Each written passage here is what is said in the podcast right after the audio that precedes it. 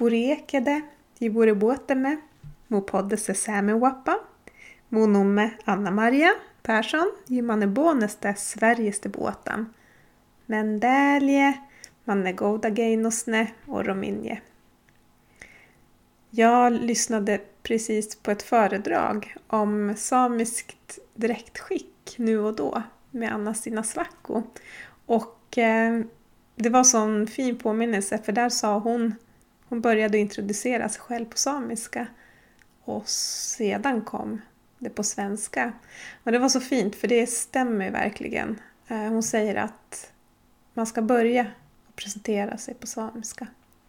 Um, ja, och hur det går med min samiska inlärning det är en helt annan fråga men jag kan i alla fall välkomna er på, på samiska. Jag kommer inte prata så mycket mer nu om eh, podd och grejer utan eh, jag släpper in er direkt i samtalet. Det här är ett jättefint samtal. Det här också. Alltså jag säger det till alla samtal. Men det är någonting med den här kvinnan. Alltså hon fängslar mig i allt hon säger och jag känner mig rik på den kunskapen hon har gett mig genom det här avsnittet och genom det, den research jag fick göra innan vi kunde ha samtalet. Um, mm, hon har gett mig många svar på väldigt mycket som jag kanske inte trodde att jag letade svar på. Ja, men så vi kör helt enkelt på en gång och eh, jag hoppas att ni kommer tycka om det här avsnittet lika mycket som jag gör.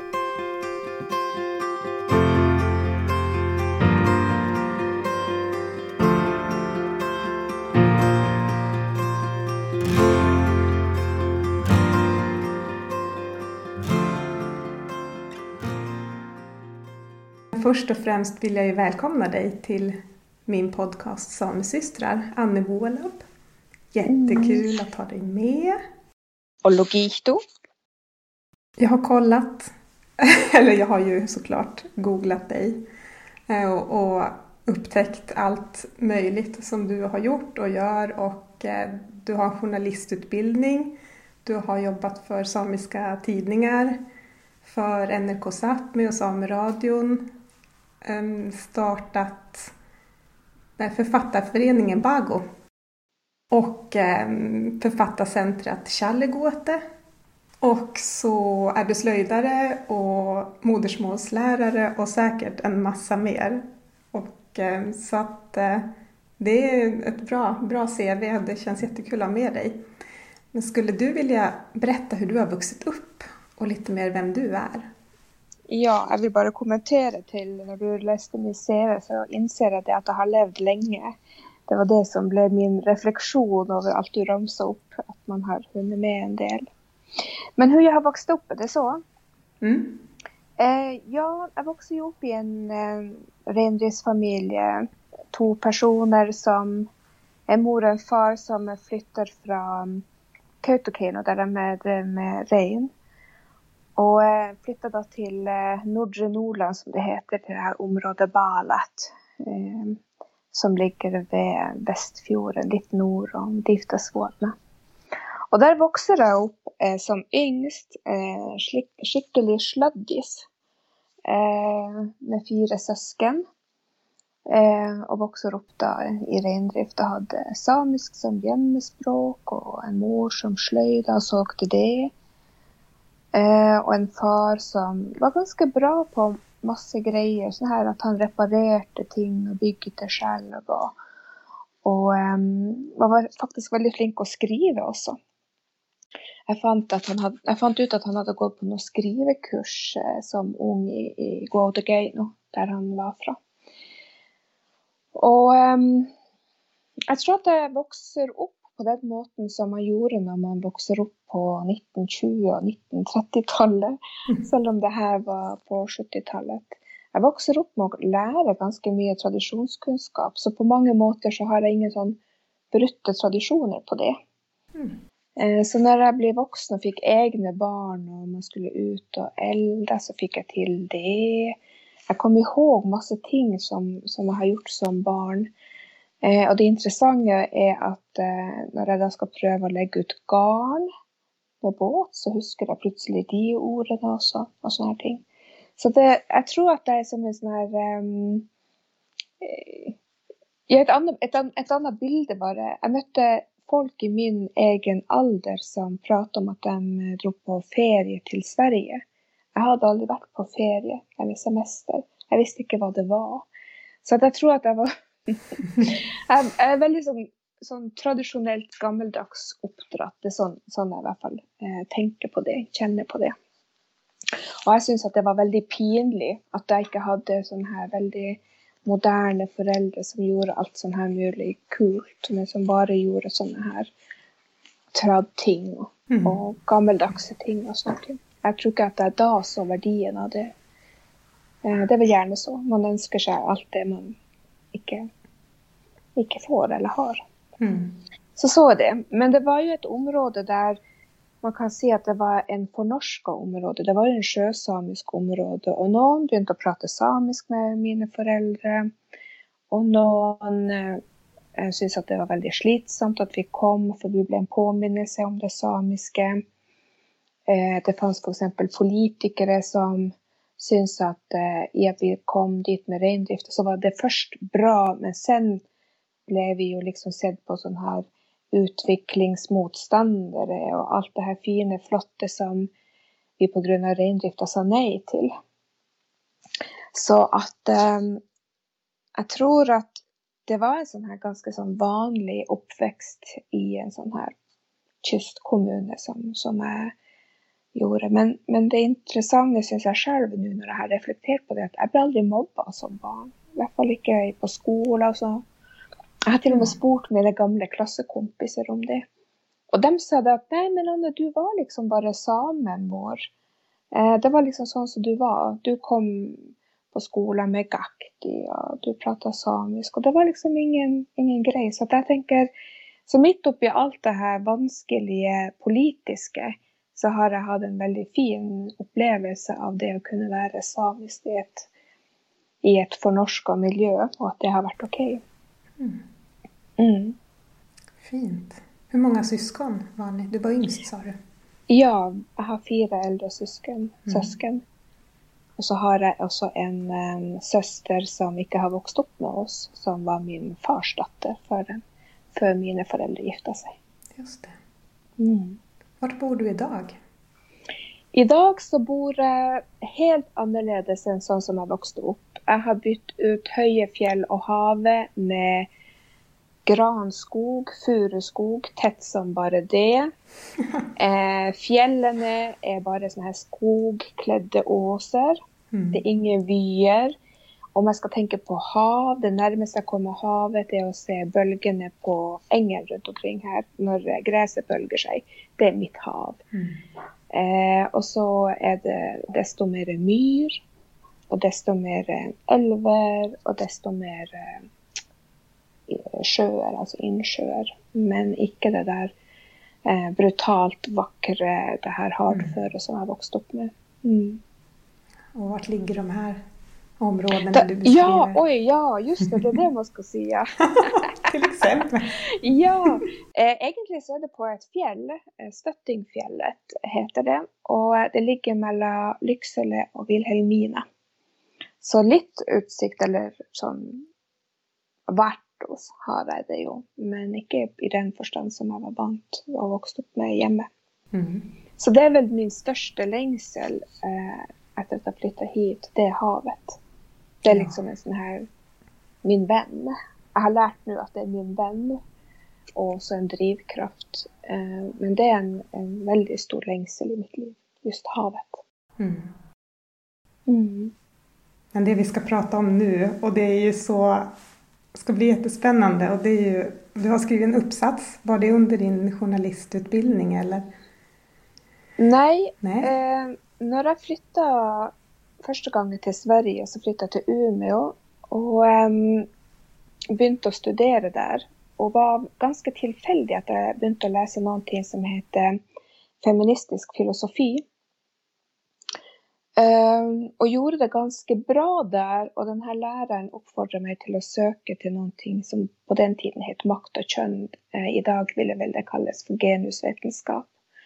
Og det her var ganske nytt fag ved Umeå universitet, og de drev og bygde opp det her studiet. Og jeg har gleden av å høre på alle de her store genusforskerne som er i Sverige nå. De var veldig nye da, veldig markant også. Så da leste jeg det, og når jeg da valgte å skulle skrive som på den tiden het C-oppsats, det kanskje heter bachelor nå, jeg vet ikke. Mm. Men, men eh, da valgte jeg å gjøre en eh, tekststudie på to bøker. Den ene er Elsa Laulas eh, 'Sanningsord om de lapske forholdene', og det andre var 'Dæhlemi en sitot' av Karin Stenberg og Valdemar Lindholm. Eh, to, to, bøker som, som eh, ikke er romaner, kan man si. Som er mer eh, faktaorientert, eller debattbøker og så. Og eh, jeg valgte å gjøre en tekstanalyse, ikke gå så mye inn på deres liv eller så. Mm. Eh, og heller ikke den, nødvendigvis den konteksten som den var i. Så det har liksom ikke liksom brukt veldig mye tid på å lese om samisk historie på den tiden. Og eh, det var veldig omvelvende å lese de her to bøkene. Eh, dels var det liksom at jeg fatta plutselig mitt liv som mm. eh, politisk medveten ung kvinne. Det var det ene. Og det andre var det at jeg kunne ikke for mitt liv forstå hvorfor det her ikke ble lest. Hvorfor var ikke jeg tvungen å lese de her som gymnasiast eller når jeg gikk på Journalisthøgskolen? Og det, det har jeg jo skjønt etterpå at det er jo en, det er en medveten strategi kanskje hos, mm. hos uh, skolesystemet både i Norge og Sverige, men, men um, Vilka är de här två kvinnorna vi pratar om? Ja, Elsa Laula är ju från Västerbotten. Född på fjället i Vilhelminafjället någonstans, Dikanes Geika där.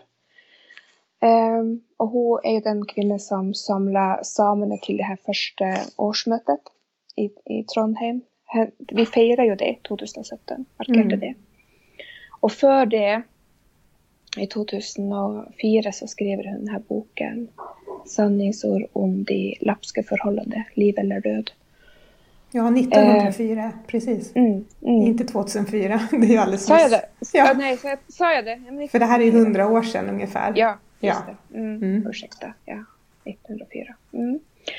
Och eh, Karin Stenberg från Arvidsjaur, Norrbotten kom ut med boken 1920. Inte 2020, men 1920. Mm. Henne firade vi i fjol. Um, och det är ju en debattbok som prövar att förklara samernas situation och vad samerna vill. Alltså eh, samernas syn på eh, den svenska samepolitiken. Jag tror faktiskt att den boken också var som en replik till eh, sådana böcker som kom på den tiden som var både sån här samevänlig eller rasistiska eller som eh, de politikerne som prøvde å liksom fremheve samenes egenart i den forstand at man måtte bevare dem som outbildade eller at man ville bevare det her eller konservere det her barnslige samefolket. Så. Ester Blenda Nordlund, tror jeg hun er. Nordberg? Nord, Nordstrøm heter hun, ja. Mm. Eh, kom ju ut med en bok som heter Kåtornas folk. Mm. Eh, så det är lite intressant att i den här boken så skriver eh, Karin Stenberg slike norr, nordströmske damer som skriver om samer och så vidare. Så att jag tror nog att det var en, det var en, en replik eller en, ett inlägg i den stora samepolitiken på den tiden. Eh, så. Mm. så de två Begge to hadde utbildning. Eh, lærere, jordmor. Eh, reiste mye blant eh, politikere og statsfolk i Stockholm. Mm. Hadde sånne nettverk. Så på mange måter så tenker jeg det at de er veldig sånn Både rollefigurer, men også en avbilde på hvordan samekvinner også historisk har vært. Eh, det finns ju masse samiska kvinnor som bara dukker upp i historien och som gör storverk. Vi har för exempel den här kvinnan äh, Margareta som också är härifrån, som bara går till Vadstena, möter liksom Kalmarunionens dronning och liksom säger Precis. vi, trä vi tränger hjälp. Mm. Och så har du till exempel en, en samekvinna från Volcher, Vilhelmina, Maria Magdalena, som säger så här att vi må bygga skolor. Vi vill ha sådana här skolor där både samiska barn, renskötande barn och fastboende barn kan gå tillsammans. Och de här dyker upp och gör de här fantastiska tingen. Och någon gång så blir jag kanske lite sån, jag förstår vad du menar med starka kvinnor. Men någonstans så tänker jag mm. att det kanske är sån samekvinnorna är. Mm. Eh, handlingskraftiga, eh, medvetna om sin samtid. Eh, de känner kanske inte begränsningar på den måten att det här kan de inte göra. Eh, de har väldigt sån starkt stöd både från sin familj, sitt område och så. Och hela sin kultur och, och, och, och jag ja. tänker på hur det såg ut för där mannen ja. och kvinnan var jämställd. Det var ja. inte de här skillnaderna som vi upplever idag. Så därför kanske det här ordet, att, eller just att benämna dem som specifikt starka blir konstigt på det sättet. Det är kanske är viktigt att, att se det idag med tanke på att den här könsrollemönstret som eventuellt kommer från, från kristendomen blir så, är, är så tydliga som har påverkat vår kultur så mycket. Mm. Och när jag, eh, när jag tänker på det så tänker jag att det inte är alla kvinnor som är gifta och, och har sådana resurser att man kan, kan ta tag i stora ting.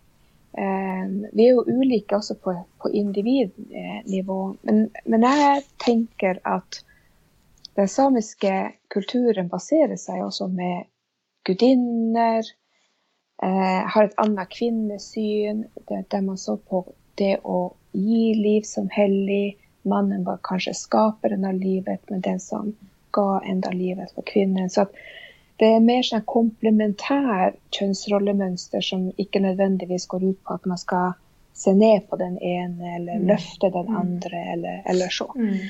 Eh, och det, det har ju varit liksom också min tes när jag har jobbat med makt och kön, när jag har gjort med de här textanalyserna, när jag har jobbat med samisk feminism, att vi må kanske skala bort lite av den här, den här det kristna jag kallar det det kristna eh, könsrollemönstret eh, kontra liksom det andra som baserar sig på eventuellt eh, eh, och vad heter nu det? Det borde jag ju veta. Det heter inte naturreligion men eh, naidi-kulturen eller shamanistisk eh, religion. Mm. Och det är väl det som jag någon gång också kan känna när vi diskuterar feminism eller jämställdhet, att de här två paradigmerna, alltså någonstans borde vi kanske förstå att det är två paradigmer och att det resultatet vi sitter med idag och den diskussionen vi må ha idag är ju för att vi har ett kristent paradigm att förhålla oss till. Och det är trist och tråkigt på sitt, sitt sätt. Men jag har lite tro på den här dekoloniseringen, att den kanske kan skapa en annan typ av debatt. Mm. Mm. Hur kommer det sig att du valde det här? Att skriva om de här? Eller om böckerna? Mm. Ja. Um, jag har ju vuxit upp med att jag hade en mor som syntes att jag skulle inte prata så mycket, jag skulle inte ta plats. Eh, selv om hon också var en kvinna som engagerade sig politiskt, drev organisationer och, och, och så. Jag brukar tänka på det att sådana kvinnor också, när deras män eh, är ganska så trygga i sin sexualitet, för att de kan hantera att en kvinna synes på plats och såna här ting utan att det går på bekostnad av, dem. Så jag växte upp egentligen i ett sånt, uh, sånt kontext också, där jag ser män som, som eh, inte känner sig trua av sån, den typen av kvinnor. Men jag hade ju också sjesser och gasker och, såna här ting som alla var mer eller mindre matriarkata. Alltså som, som drev sina familjära regimer också på många måter och hade och var gift och hade barn men men jeg opplevde ikke at det var en sånn her kontrovers mellom de, de partnere. Så jeg tror at det der har påvirka och präga mig. Och när jag la väl i Jag tror det var på gymnasiet. Där jag började förstå att det var strukturella skillnader mellan män och, män och kvinnor. så började jag söka, för att för mig stämde det inte alltid. Jag syns inte att det alltid var så logiskt. den här eh, könsrollemönstren eller den forskjellen. Så jag började söka mig tillbaka till det samiska. Och då valde jag de här två böckerna. Det som har vært litt interessant når jeg har lest eller når jeg har pratet med de bøkene, også med f.eks. samiske litteraturforskere, er jo at de brukte veldig ofte å si at de har bare skrevet pamfletter.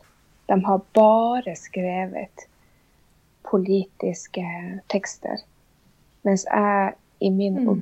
oppsats insisterte på at det er ikke bare. Det er faktisk eh, kvinner som har beskrevet hvordan Sametinget skal være, hvordan vårt framtidige politiske system skal mm. være, som mm. gjør et oppgjør med denne koloniseringspolitikken. Jeg tenker spesielt Karin Stenberg, der hun går igjennom mye av den koloniseringspolitikken som har vært i Sverige, og bare punkterer den og vise hvordan vi har vært med på å bygge opp samfunn og sånne ting. Og jeg tenker for meg stemmer det der. For meg er det der sant. Mye mm. mer enn det her andre bildet som, som jeg måtte også forholde meg til gjennom min oppvekst. At samene var barnslige og utbildede og, og ville ingenting annet enn å si nei til utvikling og, og, og fremtid og sånne ting. Mm. Mm. Varför har vi hört så lite om de här egentligen? Om de här ja, två kvinnorna? Det vet jag inte. Det är mm. helt umulig för mig att svara på. För jag tror att jag har gjort mitt ved att jag startade för exempel en samisk tidning, GABA, där vi lyfte fram kvinnor och skrev om det här. Och den kvinnoorganisationen som har den här tidningen har ju faktiskt jobbat för att Elsa Laulas födelsedag skulle bli en flaggdag. Mm. Mm. Jeg vet ikke, det var veldig lenge så at hver gang 6. februar så siterte man det mann og kvinne, det som Elsa Laula skriver. Mann og kvinne skal stå sammen og jobbe for det samiske samfunnet. Men det var liksom 6. februar, og så resten av året så prater vi om de andre tingene. Jeg tror rett og slett at det er at vi er så, så eh, eh vaska i det her andre kristna könsrollesystemet. Att vi inte helt eh, ser skillnaden. Ja, för du nämnde i början här att du tänkte att det kanske var att det är en bevissthet, eller vad heter det på svenska? Jag är så medvetenhet. språkförvirrad nu för tiden. Så att...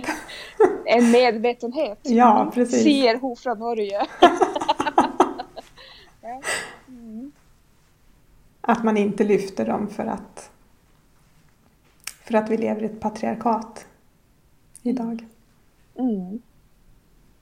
Jag prövar nu jobbar som lärare och, och få in de här tingen. Jag har för exempel elever som jag har tvungen till att läsa Karin Stenbergs bok, även om den är skriven på 1920-talssvenska. Mm. Och de är helt tagen och syns att det är en av de bästa böckerna som finns. Oh. Så ser jag bara så här, oj den här är så spännande, den är så bra. Eh, vi har funnit ut att Karin Stenberg är värsta citatmaskinen. Man kunde mm. liksom bara trycka t-shirts av hennes citat från boken och alla vill liksom bara vara Oj. härlig. Liksom.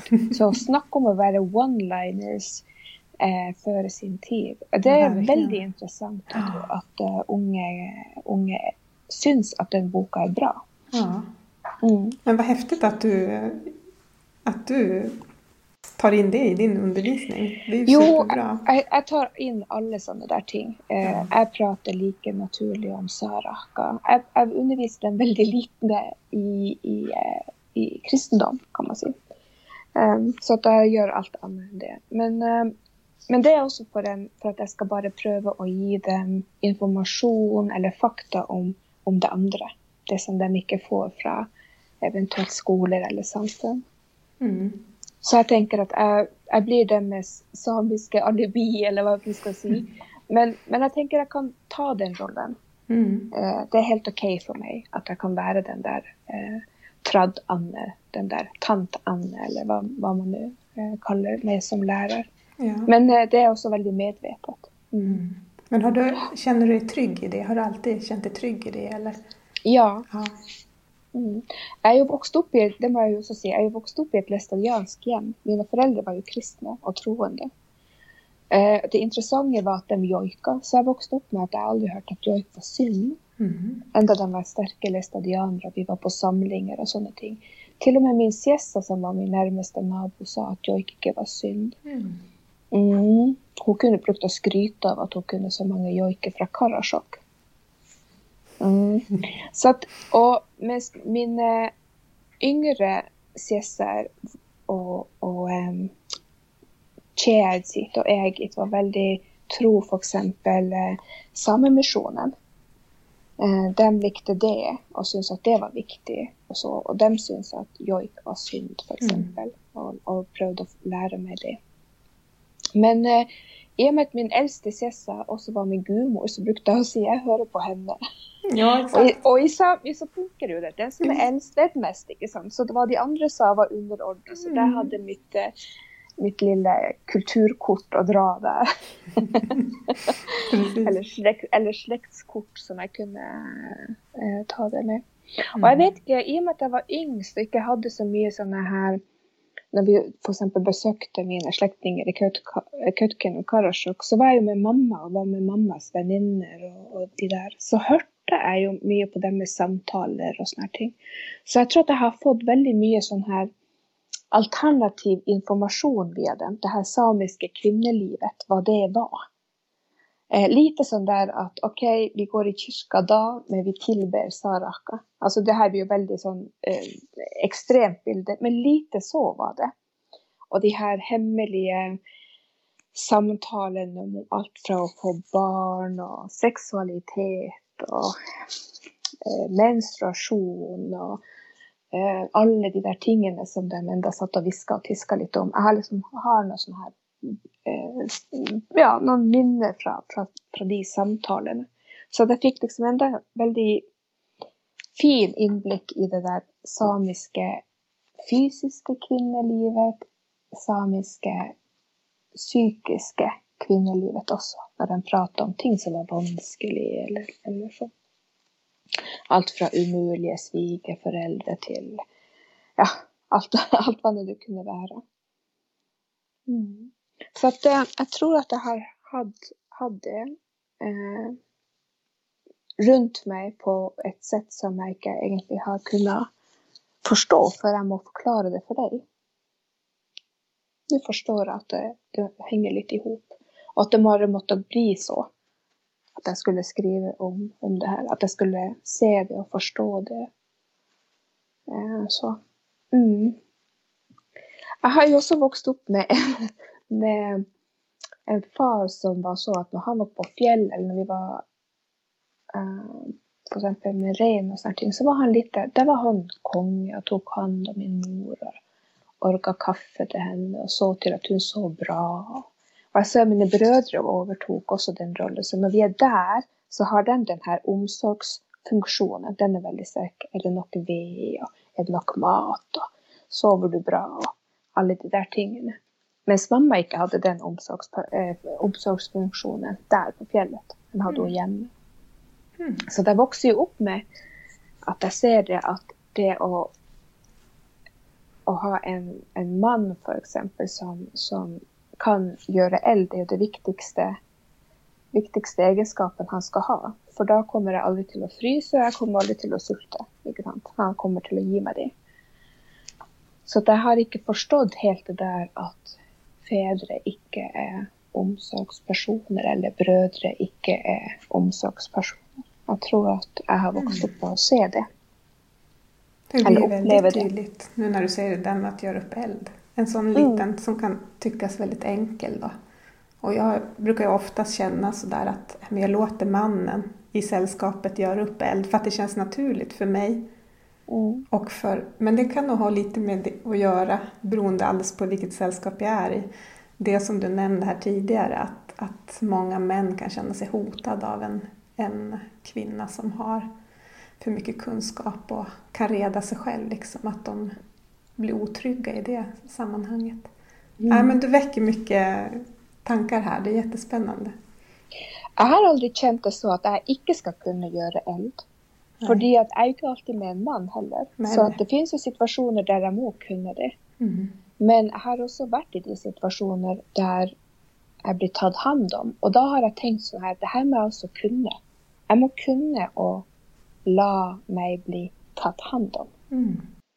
Altså, det er jo noen ting At ikke alltid være så så hård på det, Precis. selv om jeg er selvstendig. At jeg heller ikke mm. kjenner meg trua på at jeg er uselvstendig nå bare fordi at han steker kjøttet mitt, eller er jeg eh, fullstendig hjelpeløs bare fordi at jeg kunne sette meg ned ved elden ferdig med en kaffekopp i hånden. Altså, det, det, er jo, det er jo en, en treningssak mm. å kunne, kunne, ta imot mm. eh, kjærlighet og omsorg også. Mm.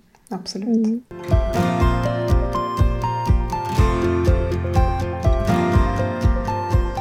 Men det jeg syns er fint, det er liksom når vi var i 2017 f.eks. i Trante.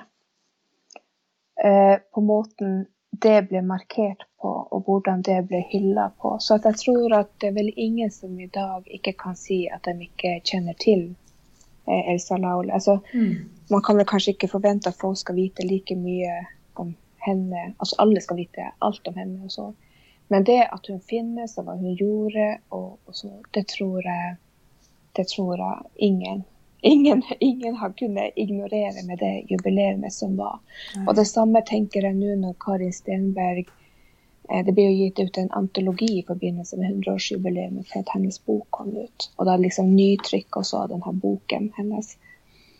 Og det var jo gjort som en, en markering. Eh, vi i Lycksele vi gjorde maratonlesning av boken digitalt. Mm. Eh, så, så att jag tänker att det är också en sån här markering som, som jag märker om här, i det här området så vet jag men Karin Stenberg och vad hon står för och de här eleverna som nu tar det här vidare och, och så. Mm. Så att um, det, det, är jag väldigt glad för att, att man på många måter kan, kan väcka, väcka det här.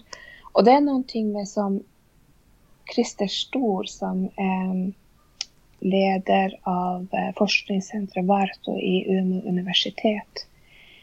Jag var på ett sånt här forskningsseminar där han också säger så här, men vem är våra helter? Vem är våra teoretiker? Vem är det vi ska förhålla oss till?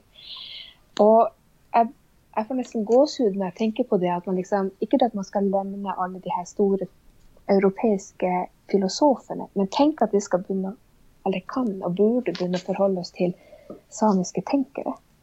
Och så blir det kanske, ja men vem är det? Ja, vem är det? Mm. Är, det som, är det kanske Olle Henrik Macka? Är det Karin Stenberg? Elsa Laul? Ska vi börja förhålla oss till den? Johan Turi? Vad skrev den? Vad tänkte den? Eh, och så. Och för mig är det där helt fantastiskt om vi kan börja göra. Mm. Och liksom, inte alltid, alltid eh, formulere sånn her I forhold til europeiske filosofer så tenker vi sånn her da, da, da, da, da. Ja, i forhold til ikke sant, Alltid liksom i sammenligning. At man ikke nå, at man kan gå direkte på, på våre egne eh, filosofer eller store tenkere eller teoretikere. Mm. Og nå begynner det å bli det med Sami mm. alla skoler, eh, som har eh, brainies. De samiske brainies, som jag kallar den där. Så jag är väldigt glad för att den, den finns. För mig är det en viktig institution, och det som sker där. Mm. Ja, men för, för, vad tänker du? Du har ju läst de här böckerna och, och, och säkerligen då satt dig in i den, den andan som var då för hundra år sedan med de här två kvinnorna framförallt i, i bräschen. Liksom. Om du tänker på dagens ja, vi tar tjejer, kvinnor som, som kämpar för våra rättigheter. Vad, vad, vad, finns det för likheter eller skillnader eller är det något spontant du tänker på som att jämföra dem, dem idag med dem förr? Jag tänker att någonstans så borde vi bekräfta både mannen och kvinnan att det är helt okej okay att ta för sig. Mm. Att man behöver inte føle seg trua av varandra. Jag tror att man, alltså om man hade startat där at du blir ikke mindre mann eller du er ikke mindre kvinne f.eks. om du får hjelp, eller mindre mann om du eh, viker eller om du velger noe annet enn det som forventes av, av mennene. Um, og um, jeg er jo veldig glad for at det finnes alle de her Sápmi 2, eh, Myten-prosjektene, alle de her greiene som f.eks. Saminora også har dratt i gang, der de har jobba med just eh, kjønnsroller, hjemstelhet og så. Der de har ifrågasatt Jeg tenkte prosjektene som Queering Sámi og sånne ting. Der, der, der, ting alltså også egentlig går ganske fort, tenker jeg. Queering Sámi-prosjektet når det kom, det var viktig, det var stort, det var kontroversiellt, men jeg tykte at det gikk fort ennå. Hvordan de her queere spørsmålene ble integrert i den samme politikken. Og på den tiden så tror jeg han som var ordförande i svenske Sametinget, det var jo eh, Mikael Stef nei, Stefan Mikaelsson. Han var vel det mest queere av oss alle. Mm. Så jeg tenkte at det var så bra, bra, at han var det. For liksom på noe sett så var vi redan der når prosjektet kom. Eh, så jeg tenkte norske Sametinget, som også har veldig eh, tydelige politikere som, som, er homofile, og liksom vi mm. vet det, og, og så. For den som ikke vet Queering Sápmi, hva var det for noe? Det var jo et prosjekt som kom fram der man tok fram eh, kjønn, ikke kjønnsroller, men seksuelle identiteter. Homofili, lesbisk, trans, eh, og det finnes flere. Ikke-binære. Mm. HBTQ, om jeg tenker så.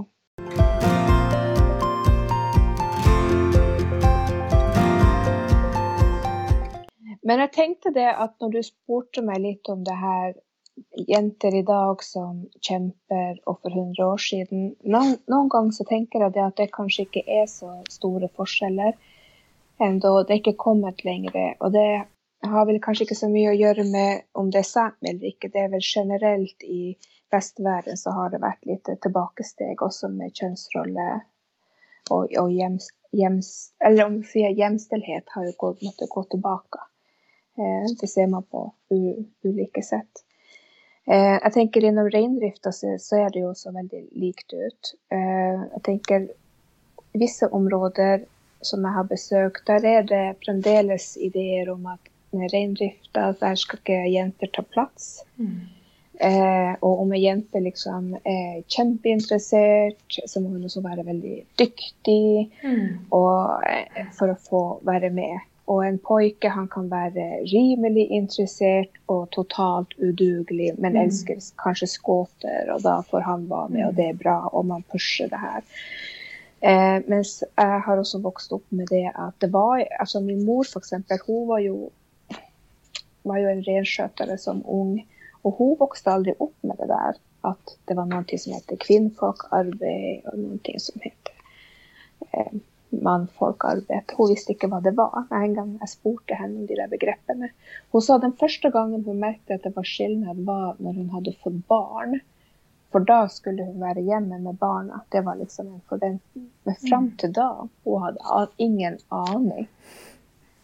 Fantastisk. Eh, men jeg tenker det var vel så. Hva gjør hva gjør familie med bare jenter, og du er f.eks. i en primærnæring? Du kan ikke liksom legge ned. Du kan jo slutte å fiske eller slutte å drive jordbruk. Nei. Eller, ikke sant? Du bare fortsetter med det. Mm. Og det er det jeg tenker at Så har det jo sett historisk, så jeg forstår egentlig ikke denne diskusjonen at det må være på et visst sett. Men jeg tror i Sverige så har denne ideen om at en same er en renskjøtende mann, jeg tror at den mm. definisjonen har vært ganske forødende. Mm.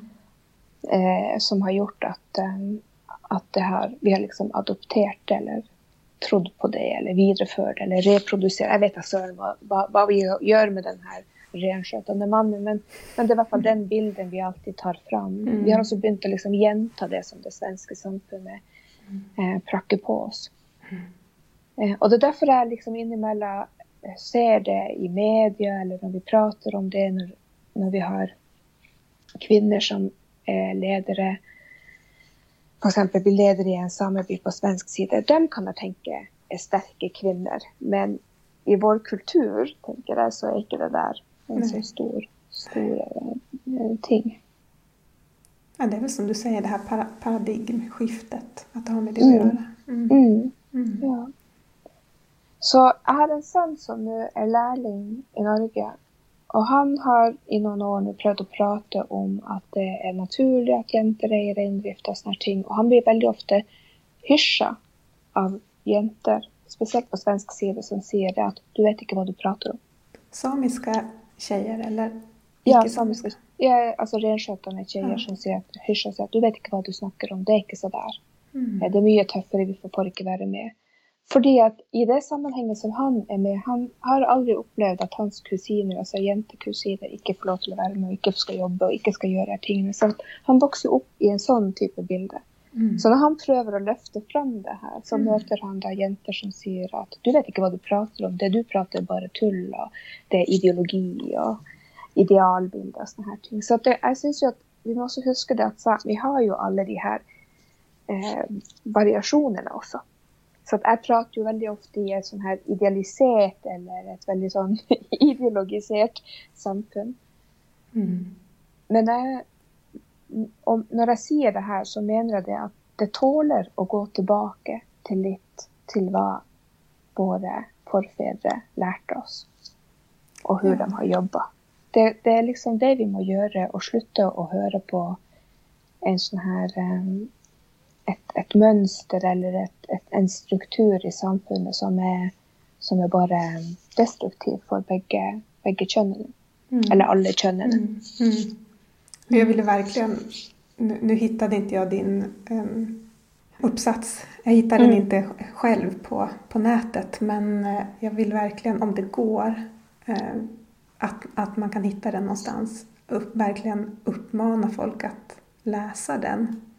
För att Jaha. Eh, den här texten som du har skrivit, där du har, alltså du har skrivit så mycket bra och jag vill verkligen tacka dig för att du har gett mig så många, många svar på så mycket.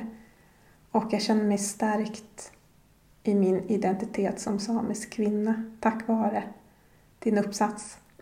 Och då tänker jag också att jag får ju passa på att, att um, uppmana också att läsa Elsa Laula och eh, Karin Stenbergs böcker mm. också. Mm. Det behöver jag göra känner jag också.